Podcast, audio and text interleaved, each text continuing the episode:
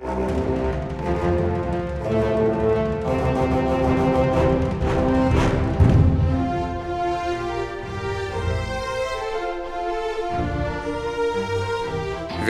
til Frankrike forklart, en podkast der du får svar på alt du lurer på om Frankrike. Mitt navn er Geir Uvsløk. Og jeg heter Frank Urban. I dagens Frankrike forklart skal vi snakke om andre omgang av det franske presidentvalget. Kom velgeren til slutt, særlig de til Mélenchon. Er Macron seier en sensasjon eller ikke? Er Marine Le Pen ferdig som partileder for Nasjonal Samling? Styrker valgutfallet i Frankrike og EU? Hva skjer nå fremover? Alt dette eh, skal, vi, skal, vi, snakke om eh, sammen, du og jeg, Geir. Eh, Geir, skal vi begynne kanskje med et slags helhetsinntrykk? Hvis når, når vi er to omganger, valget er over, har du, har du, et minne, eller hva, hva, hva er din følelse etter, etter, dette valget? Hva er det du husker best fra, fra den perioden? Jeg tror uh, det jeg husker best, uh, er kanskje at det var en veldig kort valgkamp. Uh, det skjedde så mye i forkant. Både pandemien og også da krigen i Ukraina, som tok veldig mye oppmerksomhet, naturlig nok. Og dermed Og, og, og det var veldig mye styr rundt det at Macron nesten ikke førte valgkamp i hele tatt før første valgomgang. Eh, men så kastet han seg da inn i det eh, etter første valgomgang, og det ble veldig mye snakk om det, mm. både i Frankrike og internasjonalt, fra første valgomgang og til andre valgomgang. Det, det, må vi huske på når vi snakker om velgernes atferd. Aldri før har man hatt en lignende situasjon under den femte republikk, og det preger jo valget på en måte som man aldri har sett før, ikke sant? Ja, eh, absolutt. Eh, og også det at det har vært eh, de fem årene som Macron har vært president, har vært preget av mange kriser. Noen som man kan si at han til en viss grad har forårsaket selv. Men så er det også noe paradoksalt i disse krisene. Det at f.eks. Uh, gulvestopprøret kom som en følge av et forsøk på å starte en offensiv klimapolitikk. Men det ble jo selvfølgelig Det måtte jo selv veies opp mot det at folk har behov for å komme seg gjennom måneden også. Altså man, man, snakker om denne forskjellen mellom la fin du mois og la fin du monde. Ja, hva, hva, hva, slutten på måneden og slutten ja. på verden. Ja, altså for uh, hvis man kjemper for økologien, så tenker man mest på slutten på verden. Ja. Mens for folk flest i hverdagen så er det ofte slutten på måneden og det å liksom eh, få lønna til å vare lenge nok som er det viktigste. Og det er litt sånn i fransk, eh, etter fransk ånd. Vi fikk en valgkamp som egentlig begynte to-tre uker før første valgomgang. Og så skjedde en, bare en akselerering under hele, under hele, perioden mellom første og andre eh, omgang, og en type eksplosjon. Det, det, det, ble nesten umulig å forutse hva som kom til å skje. Ja, det var uh, veldig uklart uh, veldig lenge uh, hvem kom til å klare seg best på venstresiden. Så ble det tydelig etter hvert at det ville bli Jean-Luc Mélenchon. og selv Ségolène Royal, som jo prøvde så godt hun kunne å bli minister under Macron, sa da plutselig at, at Mélenchon var det kloke valget på mm. Venstresiden. og så kom han nesten til andre valgomgang, men så var det dette at kommunistpartiet hadde sin egen kandidat, som de ikke hadde i 2017. Mm. Eh, og dermed manglet han akkurat nok stemmer. Ja. ja. og De grønne også, mm. selvfølgelig. Det er sant. Mm. Um, vi, før, vi, før, vi, fortsetter, altså vi, vi, hadde en veldig spennende valgvake på søndag. altså på, på valgkvelden på, på Youngs med mange gjester, og, og, og, det ble en stor suksess. Det som var helt fantastisk, det jo at salen var jo helt full, men var, de aller fleste var jo unge, unge folk. Eh, tenk på, at, tenk på, at, så mange unge kunne bli interessert i finanspolitikk.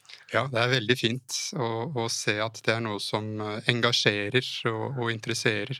At det ikke bare er eh, USA og det engelskspråklige, men at Nå Pass deg for angel, anti-angelsaksisk retorikk nå, Geir. Nei, ikke, ikke, anti, men kanskje vi kan si begge deler. Eller alt sammen. Altså at man burde, jeg mener også at man burde interessere seg mer for tysk politikk. Hva skjer i Spania? Hva vet nordmenn om det? Annet enn at det er et fint ferieland. Nå, så nå, det må også passe meg for å være Det, det var selvfølgelig en ironisk kommentar. Ja, ja. Men særlig så bør man absolutt interessere seg for hva som skjer i Frankrike, og også hva som skjer i Tyskland. Det er veldig viktig for Norge, fordi dette er de to stormaktene i EU. Mm. Så, og, og selvfølgelig også rett og slett fordi Frankrike er jo et fantastisk land som man må interessere seg for. Og Før vi går videre, så kan vi fortelle om to ting. For det første, den valget eh, er jo tilgjengelig på vår Facebook-side. så det, det, er et opptak, det er et videoopptak. Så det går an å, å, få høre alle de spesialistene som vi hadde med oss. Eh, og som eh, Vi hadde en, en, en paneldebatt om innenrikspolitikk, så hadde vi en paneldebatt om utenrikspolitikk. Det var helt, helt, fantastisk. Veldig god kvalitet, høy kvalitet. og Alt er jo tilgjengelig nå på, på dette videoopptaket. Og så er det en annen nyhet om podkasten vår. Har du fått det med deg? At vi har blitt, vi er blitt kjendis nå? Ja, vi er eh, blant Norges var det 100 mest populære podkaster. Ja. Hvilken plass var vi på, Frank? Eh, sjekka i går, og det var et sted mellom 68. og 70. 70. plass. Ok. Det, så det er, ikke, det er ikke galt til å være nisjepodkast. Nei, veldig bra. Ja. Det skal vi si oss fornøyd med, og takk til alle lytterne som ja, hører fortsett, på oss. Fortsett å høre på oss. Du, skal vi gå løs på materialet nå? Ja. Vi kan begynne å snakke litt om eh, tall, kanskje? Ja, vi må snakke ja. om tall nå. Vi skal prøve å ikke være kjedelige, men vi må ha noen tall med oss. Eh, først og fremst kan du gi oss sluttresultatet. Eh, hvor henter du kildene fra? Hvor bør vi hente kildene fra? Vi henter kildene til tallene fra det franske innenriksdepartementet, Ministère de l'Intérieur. Der har du da de offisielle tallene. Og uh, ifølge de tallene så var det da uh, Emmanuel Macron som ble valgt til president, altså sittende president. Han fortsetter nå i fem år. Uh, han fikk 58,54% av de stemmene som stemte på en av de to kandidatene. Eh, det er ca. 18,7 millioner velgere mm -hmm. som har stemt på Macron, mens Marine Le Pen fikk 41,46% av de som stemte på en av de to kandidatene. Eh, og det var da 13,2 millioner velgere. Ok, Og, og før, vi, uh, før, vi, fortsetter med andre tall, kanskje kan det være en god idé det kan være en god idé å plassere disse valgresultatene i forhold til forrige presidentvalg gjennom tidene. Og da må vi en ting, til må, en, en ting som må påpekes igjen. Det, vi hører tall fra 1958, men det tallet, altså presidentvalget fra, 50, fra 58 kan vi ikke bruke. Hvorfor kan vi ikke bruke det, Geir? Det var, for da, da, var det en annen måte å velge presidenten på. Det var ikke folket som valgte presidenten i direkte valg. Ja. Men det er det da siden 1965. Ja eh, så har det vært direkte valg på presidenten i Frankrike. Og, der, der, og dermed så er det litt feil å snakke om at de Gaulle ble gjenvalgt i 1965. For ja, i forhold til hvor mange ganger han ble valgt, men Men det var første gang han ble valgt av det franske folket som president. Du plasserer eh, dette valgresultatet i forhold til de andre valgene, i forhold til de beste resultatene, de verste resultatene. Hvor, hvor ligger man an nå? Ja, det er en veldig tydelig seier for Emmanuel Macron. Uh, han har altså nesten 19% mer av de uttrykte stemmene enn Marine Le Pen. Eh, de eneste gangene i uh, fransk historie, i Den femte republikks historie, hvor, som har vært større seire, det var forrige gang Macron møtte Le Pen, i 2017. Uh, eh, da hadde han 66,10 og Marine Le Pen 33,9 og særlig i 2008 to da Jacques Chirac møtte Jean-Marie Le Pen. Da fikk Chirac 82,21% av stemmene, mens mm. Le Pen fikk 17,79. Mm. Da, eh. da, da, tenker jeg på to, da to refleksjoner. Det ene er jo at disse høye resultatene skyldes hver eneste gang en kamp mot det ytre høyre. Ja, Det er det, det man på fransk kaller uh, le front républicain, altså en republikansk front mot det ytre høyre. Og Det er jo da også verdt å merke seg at den nå er langt svakere enn det den har vært tidligere. Altså I 2002 var det et veritabelt sjokk, uh, og uh, folk stemte Uh, som bare det i 2002 på Chirac. Mm. Mange holdt seg for nesen, som man sier. Ja, Hvor fikk Chirac i, i 2002? 82,21% ja, Og det var det, all, det, var det høyeste tallet noensinne for ja, et Ja, absolutt. Ja. Uh, og det er faktisk noe som også er interessant, er at det er den eneste gangen en president i Frankrike har blitt valgt med over 50% av alle stemmeberettigedes stemmer. Eh, ellers så, fordi det er alltid noen som ikke stemmer eller stemmer blankt osv., så, eh, så har ikke presidenten blitt valgt med 50% av alle stemmeberettigede noen gang. En annen ting som er sensasjonell, er jo at eh, det er jo første gang også at den sittende president gjenvelges utenom eh, en periode som er preget av kohabitasjon. Men hva var det for noe igjen? Hva er kohabitasjon igjen? Uh, kohabitasjon det er når eh, presidenten og statsministeren ikke kommer fra samme politiske fløy eller parti eller retning, kan vi si. Og det kan skje uh, fordi i Frankrike så er det jo et eget valg på nasjonalforsamlingen, og vanligvis så er det kutyme at presidenten velger som statsminister en person som har støtte i nasjonalforsamlingen. For hvis ikke så kan nasjonalforsamlingen kaste uh, regjeringen. Mm.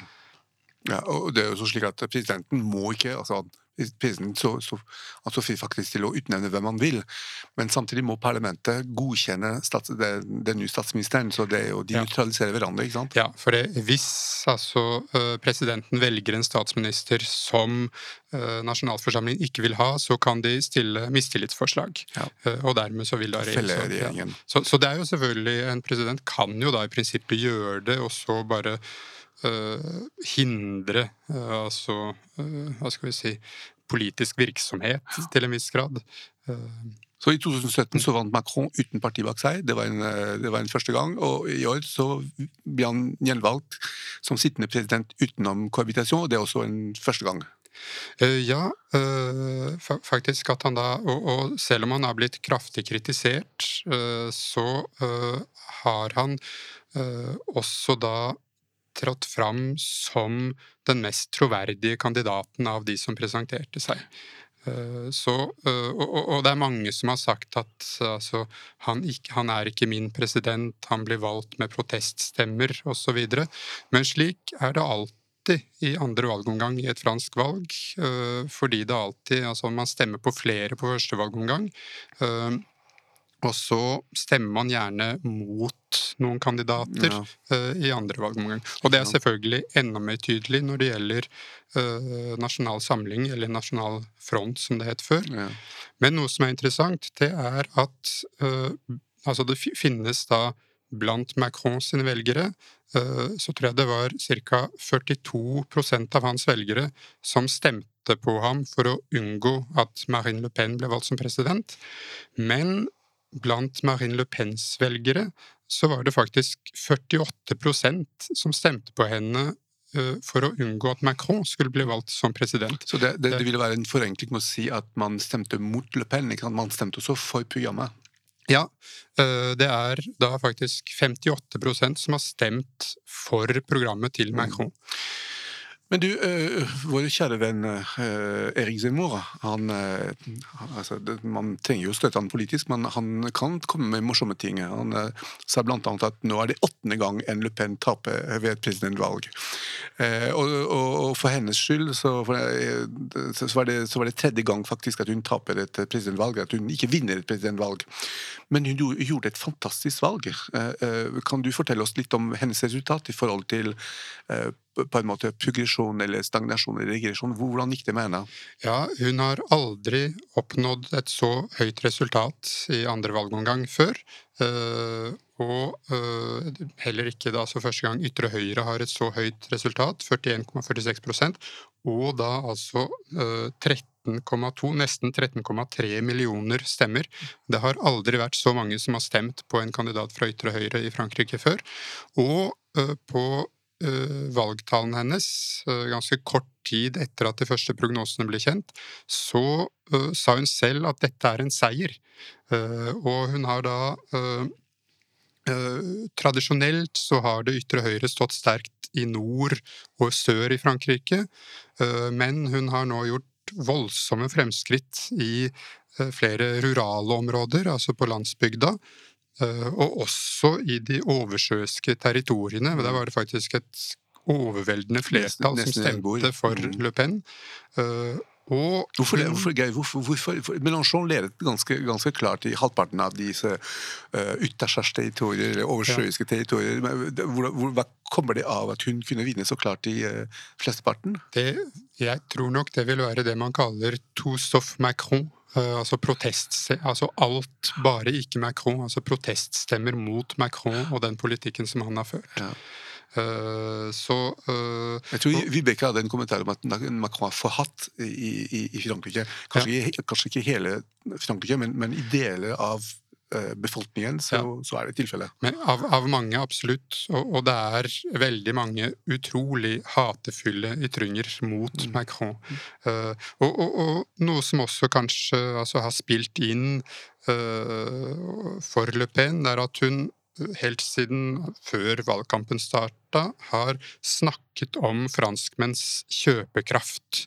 Eh, Nå sier jo da økonomene at hun har et økonomisk program som ikke vil hjelpe franskmenn i det hele tatt, men eh, hun eh, har kjørt knallhardt på det, at hun vil hjelpe franskmenn, og særlig da franskmenn, eh, det er det hun kaller nasjonal forrang, økonomisk. Mm. Uh, og det er noe folk har trodd på. Det er selvfølgelig noe som er viktig for folk. Kjøpekraft har vært et kjempeviktig tema, og det er mange som da føler at uh, de har fått mindre å rutte med uh, under Macron.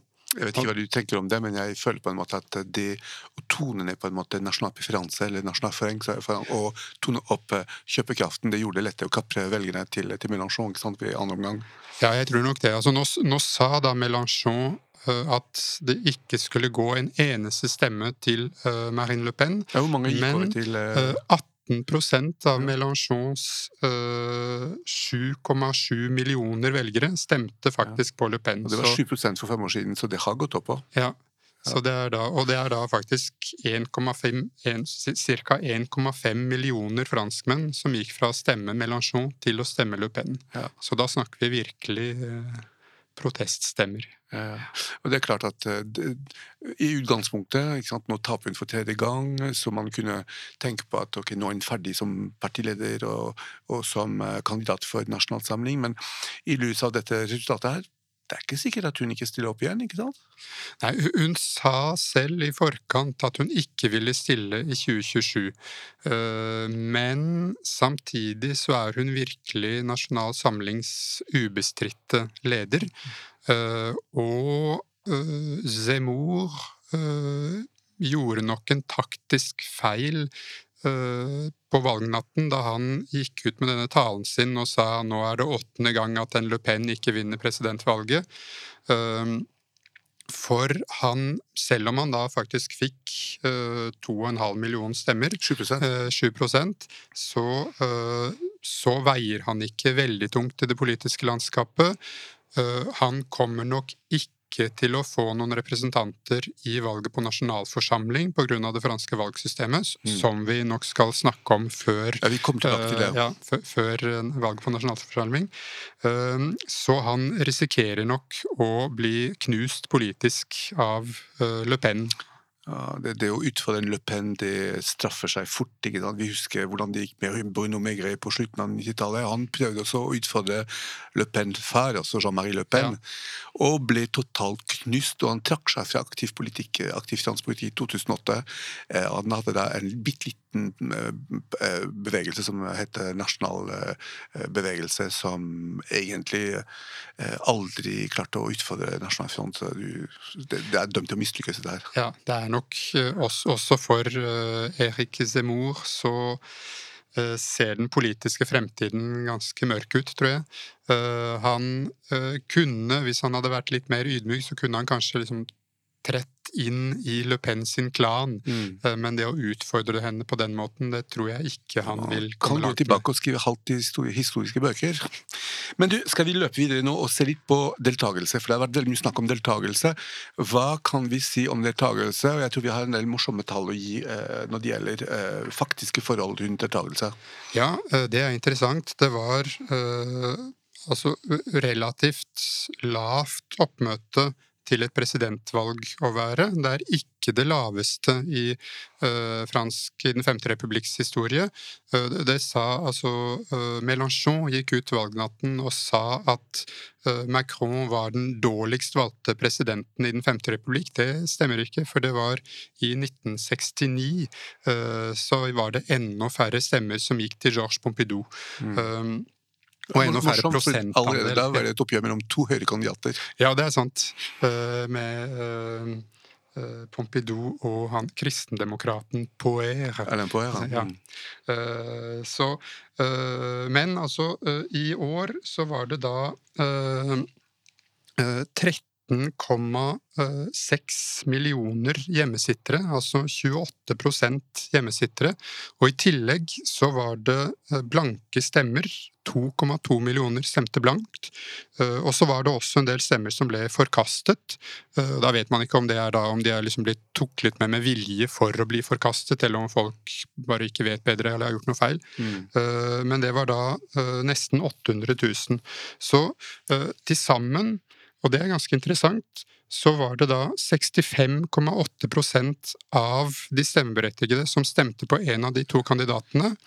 Og kan, kan du brekke opp og gi oss tall? For nå du fikk de tallene. Uh, I begynnelsen fikk vi for på en måte, Det var bruttotallene. Kan du brekke det opp nå å inkludere både blanke stemmer og uh, ikke godkjente stemmer. Da får vi se det reelle på en måte nivået. Ja, fordi uh, da ble uh, Hvis vi tar med alt dette og ser på hvor mange av de som faktisk hadde stemmerett, som stemte på Macron, så var det 38,5% mens det var 27,28 som stemte på, for Le Pen. Og så var det da 28 som som satt hjemme. Det var altså flere som satt hjemme som stemte på Le Pen. Uh, og så var det også i Oi. tillegg til disse Det er vondt. Ja.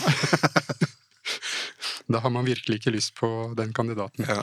Uh, og Eh, så er det også dette når da Mélenchon sier at Macron er den dårligst valgte presidenten. Det stemmer jo ikke, uh, som vi nettopp sa. Men i tillegg så er det interessant å merke seg at uh, det bare er ved ett tilfelle at en fransk president har fått mer enn 50% av stemmene til alle de stemmeberettigede, mm. og det var i 2002, mm. da vi hadde denne republikanske fronten mot Jean-Marie Le Pen, og det var Jacques Chirac som ble valgt som president.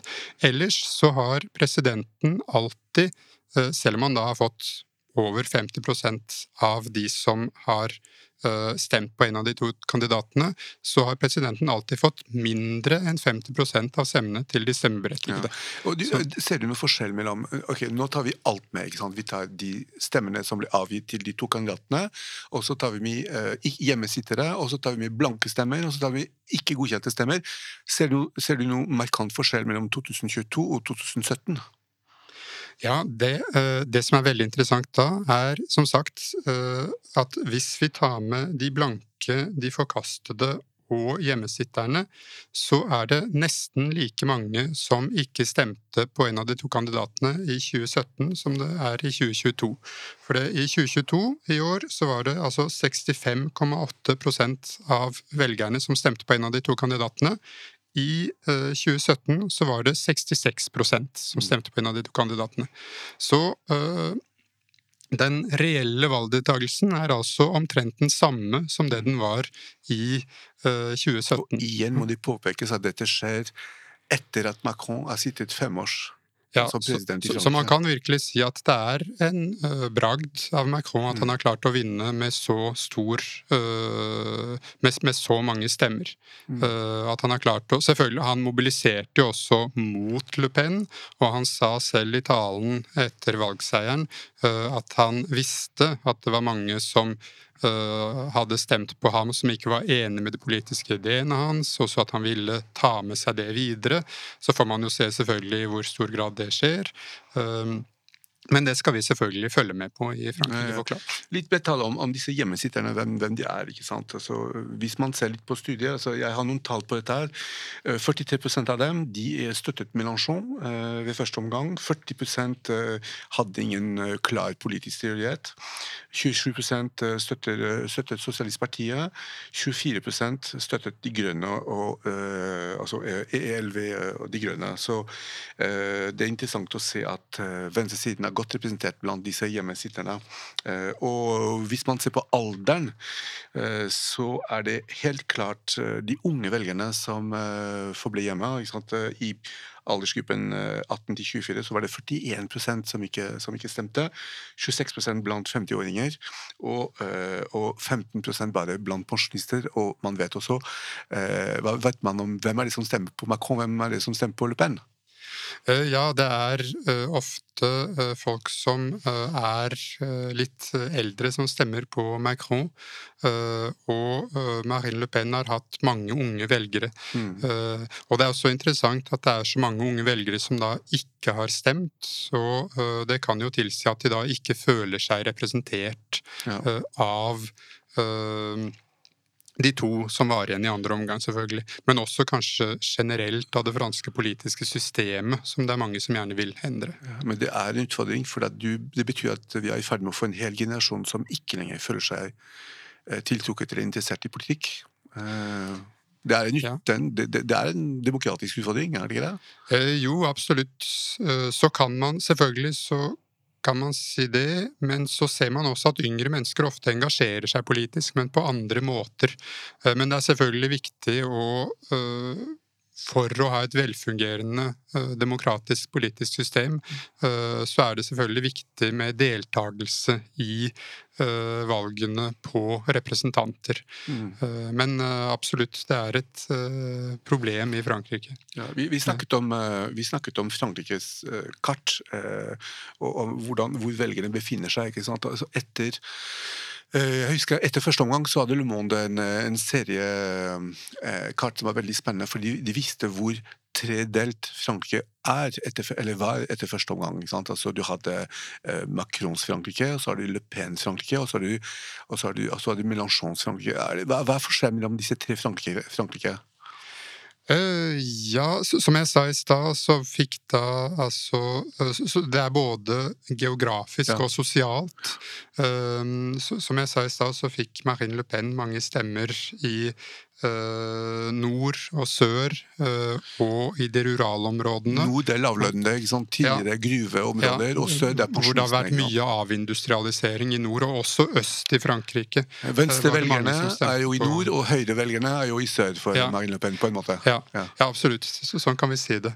Mens da Macron, som da Eh, selv om han presenterer seg som en som er både høyre og venstre, eh, pga. sitt økonomiske program, så oppfattes han nå som langt mer til høyre enn det han ble oppfattet som i 2017. Og han hadde da eh, flest velgere i vest og i urbane strøk, og Vest-Frankrike er også tradisjonelt det mest konservative den, den, mest konservative delen av Frankrike. Jeg, husker Le Monde, hadde, Le Monde hadde, gjort noe veldig morsomt. De hadde, de hadde, tatt stemmene fra alle kandidater, de tolv kandidatene, eh, og lagd ett kart. Og, og, og, det som var veldig spesielt, var jo at det var bare tre farger på det kartet. Det var, det var Macrons farge, det var, det var Le Pens farge, og så var det noen små spotter som var Mélenchons farge. Vil si Mélenchon, en mellomting mellom Macron og, og, Le Pen. Vil si at litt, mer, høy, litt høyere utdannet utdannede, litt, litt, mer lønn og litt mer urbane enn en, en eh, Marine Le Pens velgere, men, men, også ganske sammenfallende, egentlig. Ja, absolutt. Eh, og, og, noe som eh, også er interessant, en stor forskjell selvfølgelig mellom Le Pen og Macron, som Macron la stor vekt på, er uh, deres syn på internasjonal politikk. Mm. Uh, og, uh, og, det var blant mange EU-tilhengere rundt om i verden så var det stor lettelse over at det var Macron som ble valgt. Mm. Kanskje du vil si litt om det, Frank? Ja, før vi, før, før vi snakker om det, bare litt om fremtiden. Hvilken vei det går. For ja. jeg ser at, at at Le Pen eh, fikk over 60% av stemmene i mer enn 6500 kommuner. Franske kommuner, ikke sant. Så, så, det sier litt om potensialet, ikke sant, eh, fremgangen hun har hatt. Eh, og hvis man ser historisk på det Vi er i april 22, ikke sant. Jeg husker april 20 2002. To, ah, takk, 2002, ikke sant? Da demonstrerte vi i Oslos gater for demokratiet. Eh, og det er ganske tankevekkende å tenke på at hun eh, har nå fått 23% mer enn faren hadde fått i 2002. Ja, absolutt. Hun har jobbet virkelig for altså Det er jo det som man snakker om denne avdemoniseringen av Nasjonal Samling, eller Nasjonal Front som det het før, uh, som hun har jobbet veldig effektivt for å få i stand. Og som du sa i stad, det at hun har særlig fokus på kjøpekraft, og ikke så mye om det som står i programmet hennes om uh, nasjonal forrang, f.eks., for uh, og innvandringsmotstand osv. Hun toner ned alle de aspektene, men de er fremdeles i programmet hennes. så programmet til Marine Le Pen er ikke veldig annerledes enn programmet til faren. Det er kanskje uh, så fremstår hun som uh, ikke fullt så kvinnefiendtlig mm. som faren, uh, og, og hun er ikke selv, så vidt man vet, antisemitt, slik som faren vel kunne mm. anses for å være. Selv om det nok er en del av tilhengerne hennes, og, uh, som tilhører den fløyen også. Men når det gjelder programmet, du, snakket om utenrikspolitikk og EU. Uh, uh, I programmet fra i år så er det egentlig ikke, ingen, ingen, forskjell i forhold til programmet fra 2017. Det vil si at man snakker ikke lenger om utmeldelse av EU og euro, men, men i praksis, de forslagene som var i programmet, når man leser dem nøye, de førte til en eviggående krise med EU og, og og, og, et forsøk på å melde Frankrike ut av EU på sikt. Ja, absolutt. Og det var også uh, noe som hun prøvde For Hun forsto i 2017 at det var et argument som ikke gikk hjem hos mange franskmenn, så det var også noe som hun forsøkte så godt hun kunne å dysse ned. Uh, Macron gikk kraftig inn på det i uh, debatten forrige onsdag. Og det står, altså når man leser programmet nøye, så står det Uh, at man vil jobbe for Frankrikes monetære selvstendighet, f.eks., hvis jeg husker riktig. Mm. Og også Det er også snakk om utmelding av Schengen. Ikke er, betale Frankrikes andel til EU-budsjett lenger. Redusere ja. andelen. Og så var det snakk om å bytte ut EU med en allianse mellom fri og suverene stater. Ja. Meg, dette heter utmeldelse. Dette, ja. dette er frexit. I, i, i praksis mm. så er det snakk om en frexit det som står i programmet hennes. Og Derfor ble ganske mange land lettet. Det er så interessant å se at så mange land på forhånd uttrykte sin støtte til Macron. ikke sant? Det, det, man blander seg inn i fransk politikk med, på, en, på en måte som man ikke, ikke, egentlig ikke har sett før. Altså det, det, har vært ganske fantastisk å se alle disse uh, statslederne som skrev brev til Macron og kom med åpen, åpen støtte. Men du, nå skal vi snart avslutte. og, og uh, Vi snakker ikke igjen om, om, parlamentsvalget, for det kommer. Vi skal ha en episode om det, hvor vi skal snakke om hvordan det fungerer, og hva vi kan forvente oss. Men uh, et viktig spørsmål Det er bare fem år til før neste presidentvalg. Uh, hva tenker du nå, nå, har vi fått uh, Macron igjen. Macron kan ikke stille opp om fem år. ikke sant? Hva, hva skjer om fem år? Hvordan ser du situasjonen om, om fem år fremover i tid? Det er uh, veldig vanskelig å forutse. No, noe som jeg syns var interessant med årets valg, det var at ikke venstresiden helt fra 2017 begynte å arbeide målretta mot 2022. Eh, hadde venstresiden klart å samle seg, eller gjort noen forsøk på å samle seg på noen måte? Eh, det er selvfølgelig vanskelig, for det var ganske mange sterke personligheter både her og der. Eh, men da kunne nok venstresiden ha gått videre til andre valgomgang Jeg tenker på Valls ja. setning om 'le gauche irreconciliable', de uforenlige venstresidene. Ja. Mm. Og mens uh, høyresiden uh, falt pladask sammen i år. De klarte seg veldig bra ved forrige presidentvalg. så det vi har altså nå, det er en sentrumskandidat som trekker økonomisk sett mot, tydelig mot høyre. Du tenker en president, en nyvalgt president? Ja, ja, ja, Men da, ja, selvfølgelig, for han kan ikke være kandidat neste gang.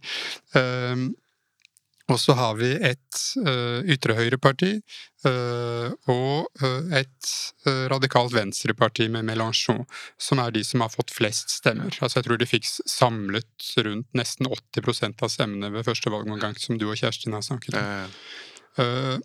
og så er det veldig interessant å se hva som skjer videre, fordi Macron har jo ikke noe etablert altså, han har et parti, men det er jo ikke veletablert, og det er veldig sentrert rundt ham som person. Eh, så hvem skal stille som en eventuelt lignende kandidat, sentrum Høyre, i 2022? 2027. Det kan bli interessant å se hvordan det utvikler seg. Det blir veldig interessant å se nå hvem han velger som statsminister mm. nå i de to månedene før valget på nasjonalforsamling, og så hva som skjer selvfølgelig ved valget på nasjonalforsamling. Mm. Um, for det har måttet sende ut et signal om at det blir ikke helt det samme som forrige periode. Ja, og det sa han også i talen sin, at han ville starte på en ny periode, altså med ny politikk, nye metoder. Mm. Uh, så får man da se om han faktisk gjør det. Og det vil bli veldig interessant nå uh, å se hvem han peker på som ny statsministerkandidat, ja. og også å se hva slags arbeidsformer han vil ha fremover. Om han vil uh, For han har kontrollert veldig mye i de siste fem årene. Uh, han er jo en usedvanlig dyktig eh, person mm. og usedvanlig arbeidsom. Eh, så han har nok liksom tenkt sånn at jeg må passe på at ting går riktig for seg. Eh, men det skal bli interessant å se om han blir mer villig til å dele makt fremover. Ja. Og så, så, føler man på en måte at man må gjøre noe med valgsystemet. Man må bruke folkeavstemninger litt oftere for å trekke inn folket. Og man må kanskje gå over til litt mer proporsjonelle valg, slik at alle partier og alle velgere føler seg eh, tatt vare på. Og ja.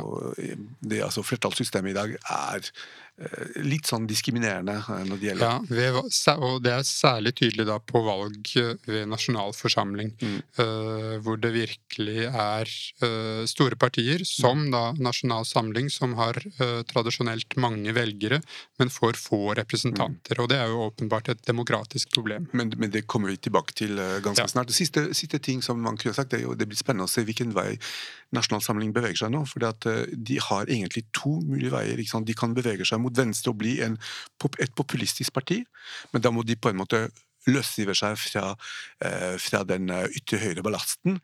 Ellers så blir de dratt inn igjen mot eh, høyre dersom Zemmour og Marion Marichal skulle kapre partiet. Det tviler jeg på, fordi nå har på en måte Le Pen vunnet så stort nå.